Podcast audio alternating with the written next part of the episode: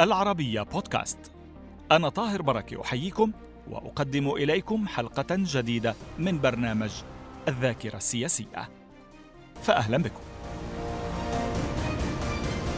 في الحلقة الأولى من خماسية يكشف وزير الخارجية العراقي الأسبق هوشيار زباري أجواء اجتماعات المعارضة العراقية مع مسؤولين أمريكيين في واشنطن في العام 2002 والتي مهدت لغزو العراق. وفد من المعارضة العراقية وضع المسؤولين السوريين والإيرانيين في أجواء التحضيرات للغزو. إلا أن السوريين شككوا في أن تخوض الولايات المتحدة مغامرة في بغداد.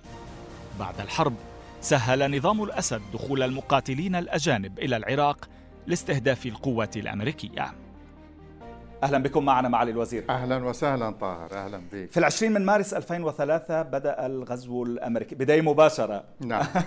بدأ الغزو الأمريكي للعراق. متى تيقنتم أن الحرب قادمة لا محالة؟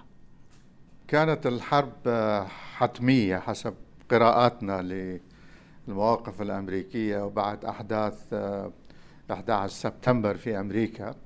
اكو محطتين مهمتين اتذكرها في نيسان 2002 ذهبنا إلى أمريكا في زيارة سرية وسموها black visit زيارة سوداء مع قياداتنا الرئيس مسعود بارزاني والرئيس الراحل جلال طلباني.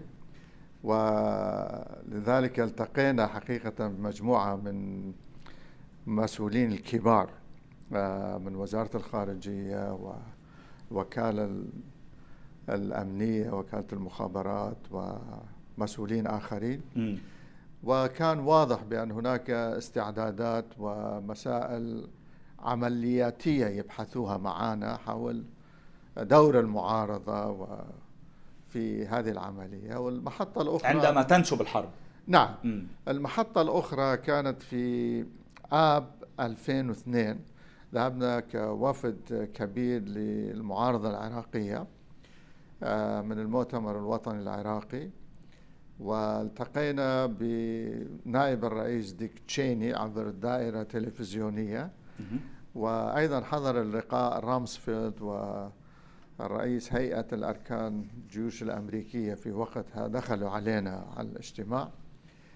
وكان واضح بأن الترتيبات والاستعدادات كانت على قدم وساق. على قدم وساق. هناك بحثنا سوية كمعارضة عراقية أنه يجب أن يكون لنا رأي وصوت وألا الجانب الأمريكي سوف يهملنا وسوف يتركنا. يجب أن يكون للعراقيين صوت في تقرير مصير بلدهم. وهذا كان الأساس لعقد مؤتمر لندن للمعارضة في نهاية 2002 وكان نقطة تحول حقيقة أحد أهم وأشهر لقاءات أحد المعارضة أهم وأشهر لقاءات المعارضة. وكل الذين شاركوا في مؤتمر لندن عمليا بشكل أو بآخر هم الآن أصبحوا حكام العراق بعد 2003 إلى الآن. حتى حزب الدعوة؟ حزب الدعوة لم يشارك في لقاءات لندن بل كان معارض لمؤتمر لندن. بالضبط. ولكن بعد التحرير وإجا منه رئيسين حكومة وواحد منهم لولايتين. بالتأكيد. هم حقيقة إحنا هم نتحمل جزء كبير من المسؤولية لأن قياداتنا هي التي جابت حزب الدعوة إلى لجنة التنسيق وإلى مجلس الحكم ووقفوا معهم باعتبار نحن كنا أحزاب في المعارضة ولدينا تاريخ أنتم أتيتم مشترك. بحزب الدعوة إلى الحكم؟ نحن كان لنا نحن دور الحزب الديمقراطي الكردي. والاتحاد الوطني الكردستاني أيضا سوية.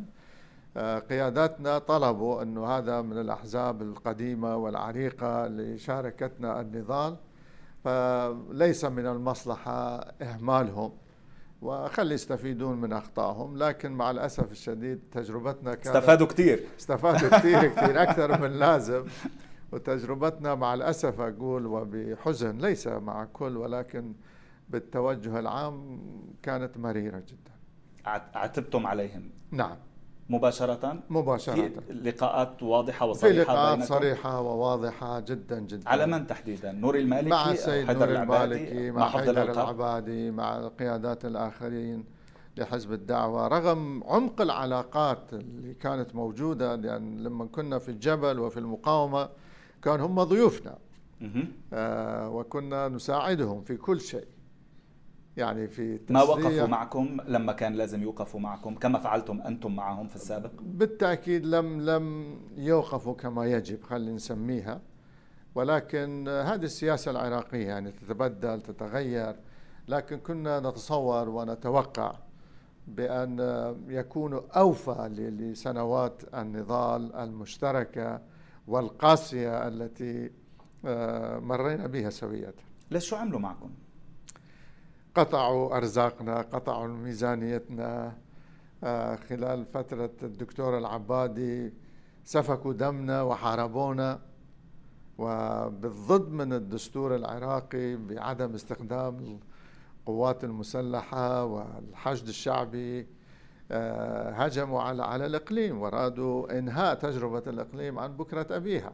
هذا ما بعد الاستفتاء. هذا ما بعد الاستفتاء ولكن أيضا اجت منهم يعني مع الأسف سنأتي الشديد. إلى ذلك لاحقا نعم. ولكن هم يتحملون المسؤولية يعني بذواتهم أو آه، مجمل الطيف السياسي العراقي الحاكم في المركز. لا الكثير الكثير يتحمل المسؤولية ولكن آه، هم كانوا في القيادة.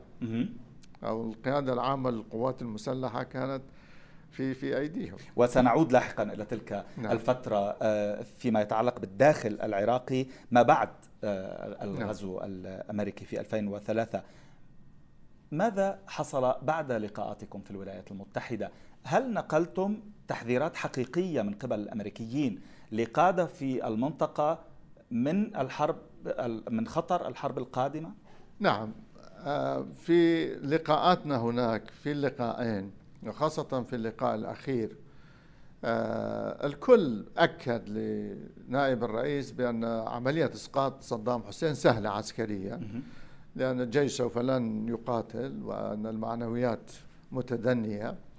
ولكن ما هو أهم هو ماذا سوف يحصل ما بعد إسقاط النظام.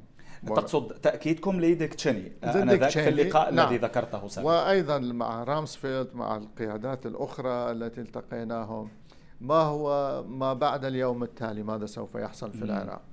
وأنا من الناس اللي حذرتهم آنذاك أنه هاي المشكلة الأكبر التي سوف تواجهنا هي دور القوى الإقليمية في الوضع العراقي.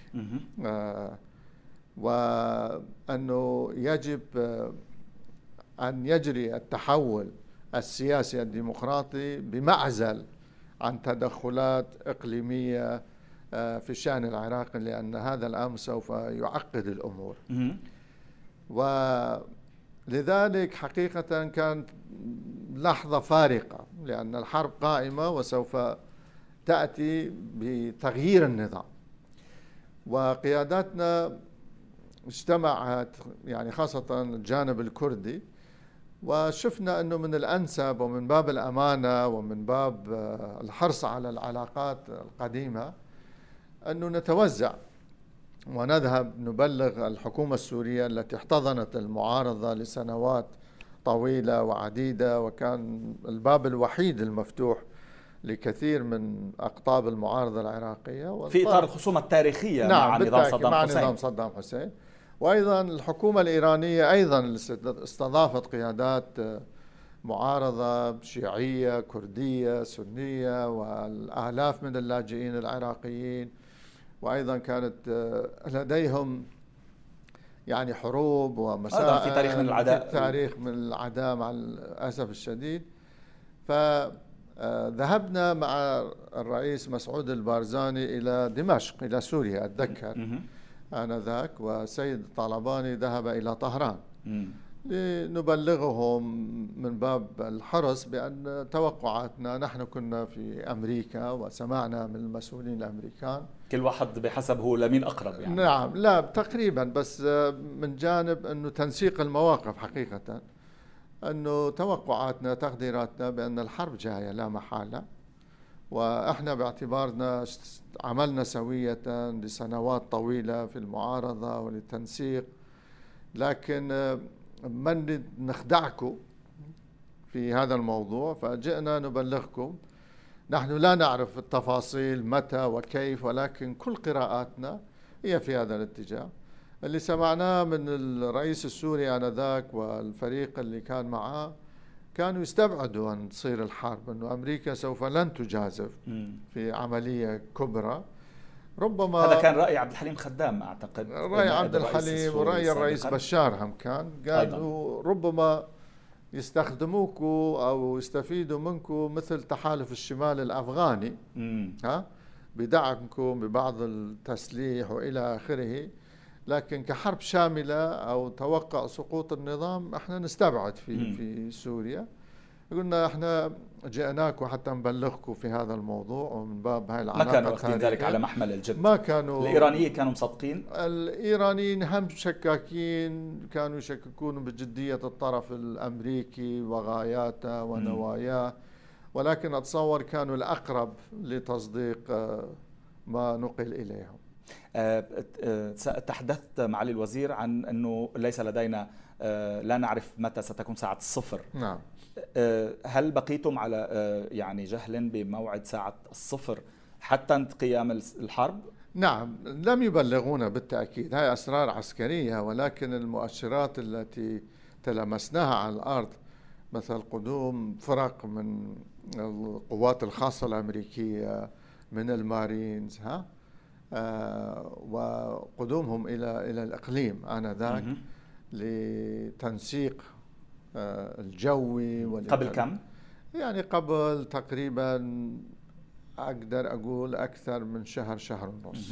التاسع من أبريل 2003 احتلال بغداد وسقوط النظام. بماذا شعرت وأنت تشاهد تحطيم تمثال صدام حسين في وسط بغداد؟ والله كانت رمزية يعني صدام حسين بالنسبة للكثير من قطاعات الشعب العراقي وليس جميعها. كان رمز للقمع وللاضطهاد وللدكتاتورية اللي عانى منها كل كل بيت عراقي آه، تجرأ لتحدي النظام أو للمطالبة بحقوقه. لكن كان لصدام أيضا مؤيديه وأنصاره من البعثيين بلا شك. ولكن سقوط آه، تمثال صدام في ساحة الفردوس كانت نقطة تحول تاريخية يعني ليس ولحظة مؤثرة. ولحظة يعني حتى لو كنت على عداء ولحظة مع شخص. ولحظة مؤثرة ولكن لحظة آه يعني نقطة تحول تاريخية. كان في تاريخ العراق بعد أكثر من أربعين سنة. طبعا. في, في أقصد في سياق تاريخ نعم. البلد يعني. وأنا لم أكن في بغداد آنذاك. كنت في كردستان في الإقليم. أتابع هذه الأمور وأيضا كانت هناك معارك وقتال يعني طبعا كانت الأمور لم تهدأ آه، لم بعد تهدأ. ولم تهدأ للأسف لسنوات طويلة بعد نعم. ذلك. تأذيت شخصيا من نظام صدام حسين؟ أنا تأذيت لا لا بالتأكيد تأذيت كعائلة. صدام حسين أعدم ثلاثة من إخواني الكبار. آه، أحدهم آه، سمموه بسم الثاليوم. آه، واثنين أيضا قتلوا في حادثة سير آه، يعني مدبرة. مدبرة مبرمجة من قبل جهاز المخابرات العراقي وشردوا آه، أهلي ووالدتي وإخواني أيضا. وأنا نموذج حقيقة يعني من النماذج لكثير من العوائل العراقية التي تأذت وراحوا. لحد الآن لا يعرفون أين جثث يعني أهل. أقاربهم وأهلهم. أقاربهم وأهلهم. حكيت عن أشقائك ولكن لم تتحدث عن تعذيبك أنت شخصيا. أنا اعتقلت في سنة 71 في قصر النهاية في بغداد. كنت في بداية شبابي وعنفواني وكنت خريج وأريد أن ألتحق بأحد الجامعات العراقية. كان المطلوب نحصل موافقات من من بغداد آه، فجئنا إلى بغداد مع مجموعة من الأصدقاء واعتقلتنا المخابرات وأخذتنا إلى إلى سجن النهاية وسجن النهاية كان قصر الرحاب سابقا في العهد الملكي. اللي صارت فيه المجزرة اللي صارت العائلة الملكية. المجزرة. وسمي بالنهاية لأن كل من كان يدخل في قصر النهاية لا يخرج منها بسبب مم. ادوات التعذيب و الداخل مفقود والخارج مولود. بالتأكيد. ولكن الحمد لله بعد يومين صارت تدخلات قوية جدا لأن كان هناك اتفاقية سلام بين الحركة الكردية بزعامة الملا مصطفى البرزاني وحزب البعث. صارت توسطات وأفرجوا عنها. لكن لقينا ما العذاب التعذيب اللي شفناه يعني عفوا سأعود إلى هذه النقطة نعم. بس هذا بعد البيان بيان أغار نعم هذا في سنة ال 71 مم. نعم 71 آه، يعني بعد سنة تقريبا من نعم. بيان نعم. أغار اللي أراح العلاقات صحيح. كثيرا بين الطرفين صحيح صحيح كيف عذبوك؟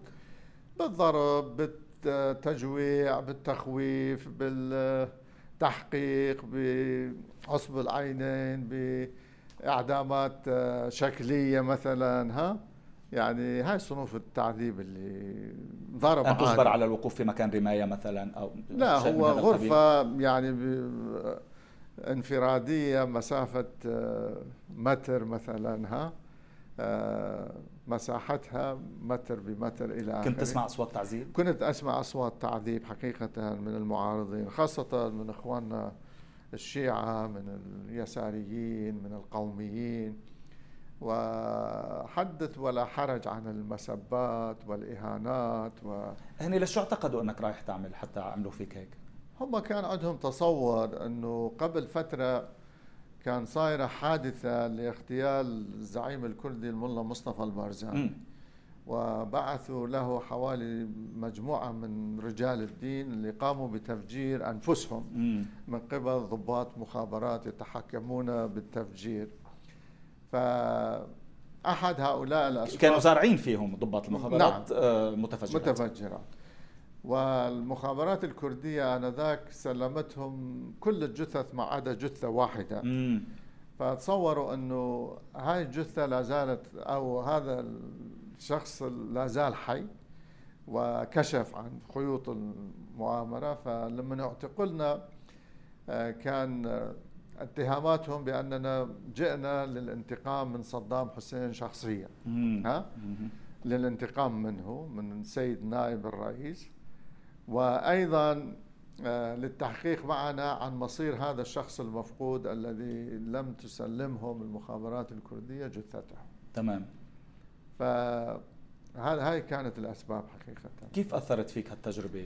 والله لوعيك السياسي وعي لاحقا. سياسي وعي سياسي بدأ منذ ذلك الوقت ينضج بأن آه، يعني كيف تقدر تعيش في بلد وفي حالة سلام ووفاق وهو خصم وحكم في نفس الوقت ومنذ ذلك التاريخ يعني بدت غرائزي السياسية وما شفت آه، من مظاهر وسوء معاملة أنه لا أستطيع أن أعيش تحت هكذا نظام.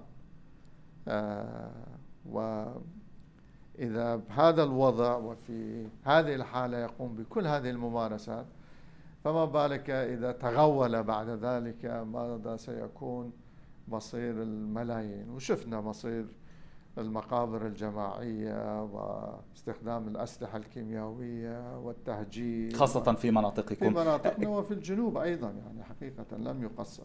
وفي الجنوب أيضا. كيف فهمتم طبيعة الأدائين الرسميين السوري والإيراني في العراق آه، كل فترة ما بعد الغزو الأمريكي؟ هو الإيرانيين كانوا أشطر وأذكى من كل الدول العربية ومن سوريا في التعامل مع هذه الحالة مع عملية التغيير. الإيرانيين جتهم هبة من السماء. يعني م. أمريكا أسقطت نظام طالبان السلفي الأصولي السني ها على حدودهم الشرقية. وأيضا قضت على نظام صدام اللي كان معادي لهم. فأي دولة في موقع إيران تصور هاي هبة هبة من السماء. تصبح مرتاحة جدا مرتاحة على جدا.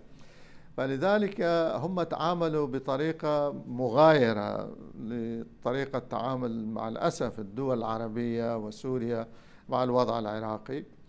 وهم الإيرانيين أول من بعث ومن أرسل وفد رسمي لتبريك ولتهنئة مجلس الحكم العراقي عندما تأسس وبحماية وتحت حراب الأمريكان.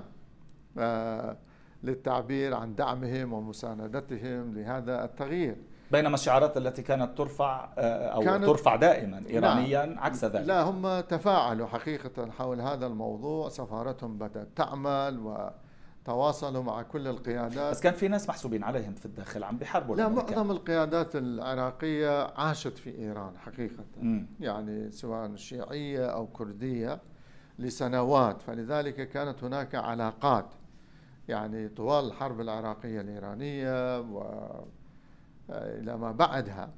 آه، لذلك استفادوا استغلوا هذه العلاقات للتعامل مع الوضع العراقي الجديد. في حين نشوف الدول الأخرى قاطعت بشكل أو بآخر الوضع الجديد واعتبروا هذا احتلال غير مشروع وحرب غير شرعية وكل ما يترتب عن ذلك آه، غير شرعي.